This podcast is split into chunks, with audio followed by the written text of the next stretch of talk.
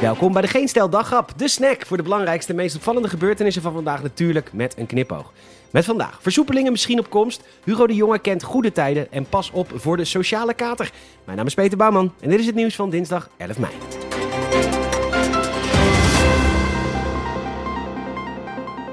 Ja, het is altijd weer alsof je eindelijk een nieuwe Star Wars film gaat zien in de bioscoop. Yes, een nieuwe persconferentie. En daar stonden ze weer, de mannen. De Brad Pitt en Leonardo DiCaprio van de Nederlandse politiek. En we kregen complimenten. We houden ons over het algemeen goed aan de regels. Yes! David de Kabouter stickertje op zak. Nee hoor, grote zorgen. Wat een dilemma's, wat een dilemma's. Nee.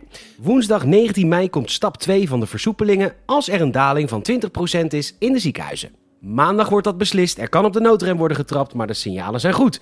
En stap 2 is de laatste categorie contactberoepen. En ook de sekswerkers kunnen weer aan de slag. Terrassen open van 6 tot 8 uur s avonds. En Rutte noemde dat mensen dan eindelijk een daghap kunnen eten op het terras. Hij is fan van de podcast natuurlijk.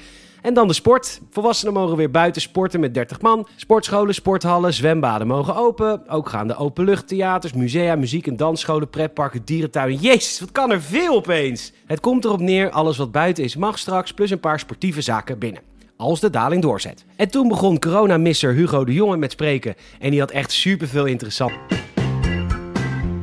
Nederland werd boos wakker vanwege een tweet die Hugo de Jonge verstuurde. Meneer, volgens mij ken ik u. Bent u van goede tijden? Zo sprak een voorbijganger onze coronamisser Hugo de Jonge aan. Hugo reageerde met: Zeker, ik ben heel erg van goede tijden. Auw, dat was misschien niet het beste moment. Geen stelredacteur Ronaldo klom in de pen. En dit is het resultaat. Vaccins die komen langzaam dichterbij. Yeah. Maar spuiten blijven bureaucratisch hangen. U bent te jong, u krijgt geen prik, ik gooi hem liever weg. De leveringen maken je weer blij. En weer een miljoen.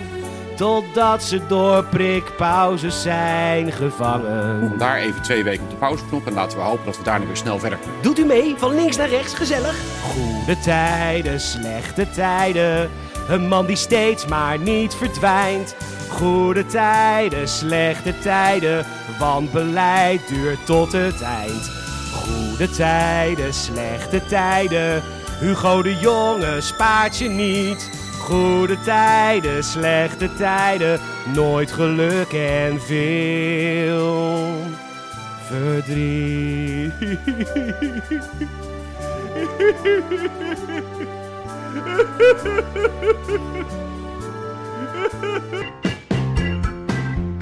Een deel van de Nederlanders, vooral ondernemers, hebben het afgelopen jaar hun eigen vermogen flink moeten opeten. Een ander deel heeft juist goed kunnen sparen, want je kon toch niet op vakantie of naar een restaurant.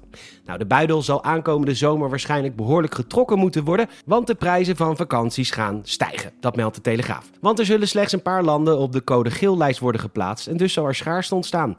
Bovendien zal de capaciteit in veel hotels kleiner zijn vanwege geldende coronamaatregelen. En daar komt in veel gevallen ook nog een vliegticket bovenop. De bonussen van Air France KLM topmannen dienen natuurlijk betaald te worden en aan de belastingbetaler hebben ze natuurlijk niet genoeg. Bovendien is het aantal zakelijke reizigers gedaald en de gewone man met de pet moet dat gaan oplossen. De KLM is van plan de hele Boeing 737 vloot weer af te stoffen en in te zetten. En heb je afgelopen tijd een keer benzine getankt? Jawel, ook de kerosine is een stuk duurder en dus kan al het gespaarde geld lekker in de vakanties worden gestopt. En die ondernemers die hun zaksteentjes hebben opgevreten, die moeten lekker aan het werk. Wat kwamen er toch prachtige beelden vanuit België de afgelopen dagen? Daar zijn de terrassen voor het Echi open. En dat hebben we kunnen zien ook. Duizenden mensen op de grote pleinen in Brussel, Antwerpen en Gent. Maar heel veel mensen zitten daar nu lamlendig thuis. Niet alleen vanwege de alcoholische kater, maar ook vanwege de sociale kater. En dat komt omdat we het afgelopen jaar amper mensen hebben gezien en onze hersenen hebben zich daarop aangepast. Bij HLN legt neuroloog Steven Laurees uit dat je brein letterlijk kleiner is geworden het afgelopen jaar.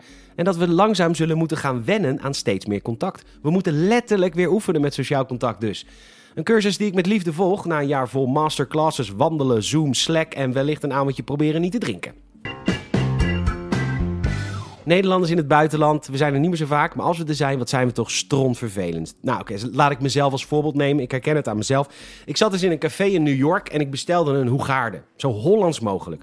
Een zeer vriendelijke serveerster verstond het natuurlijk niet. Ik wijs het aan op de kaart en ik zeg nogmaals, Hoegaarden, Hoegaarden. Oh my god sir, you mean Hoogarden.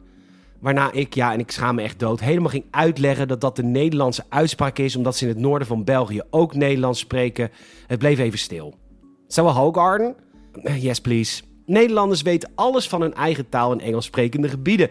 Het is niet zo moeilijk ook, want het zijn er maar een paar. You know Brooklyn comes from Breukelen. You know that money you use, the dollar, it's from daalder, a Dutch coin. Ugh. Lang vooral lang, apartheid. Een woord waar we een stuk minder trots op zijn, maar in tegenstelling tot al die stomme woorden waar wij Amerikanen altijd op wijzen, wordt apartheid daadwerkelijk nog eens gebruikt.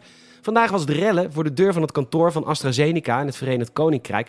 Twee mensen van de groep Global Justice Now hadden zich voor de deur vastgebonden omdat Astra, net als alle andere vaccinboeren, hun patenten niet vrij willen geven, waardoor sommige rijke landen, als Amerika, Engeland en Israël, een groot deel van de bevolking al hebben gevaccineerd, en derde wereldgebieden als Afrika en de Europese Unie nog eeuwig moeten wachten. Vaccine apartheid werd er gescandeerd. Vaccine apartheid. En in tegenstelling tot filibuster, gin, knapsack, Santa Claus en Hoagarden kunnen ze dat woord allemaal perfect uitspreken. Bedankt voor het luisteren. En je zou ons enorm helpen als je een vriend of vriendin vertelt over deze podcast. En ook een Apple Podcast review zouden we echt enorm waarderen. Tot morgen.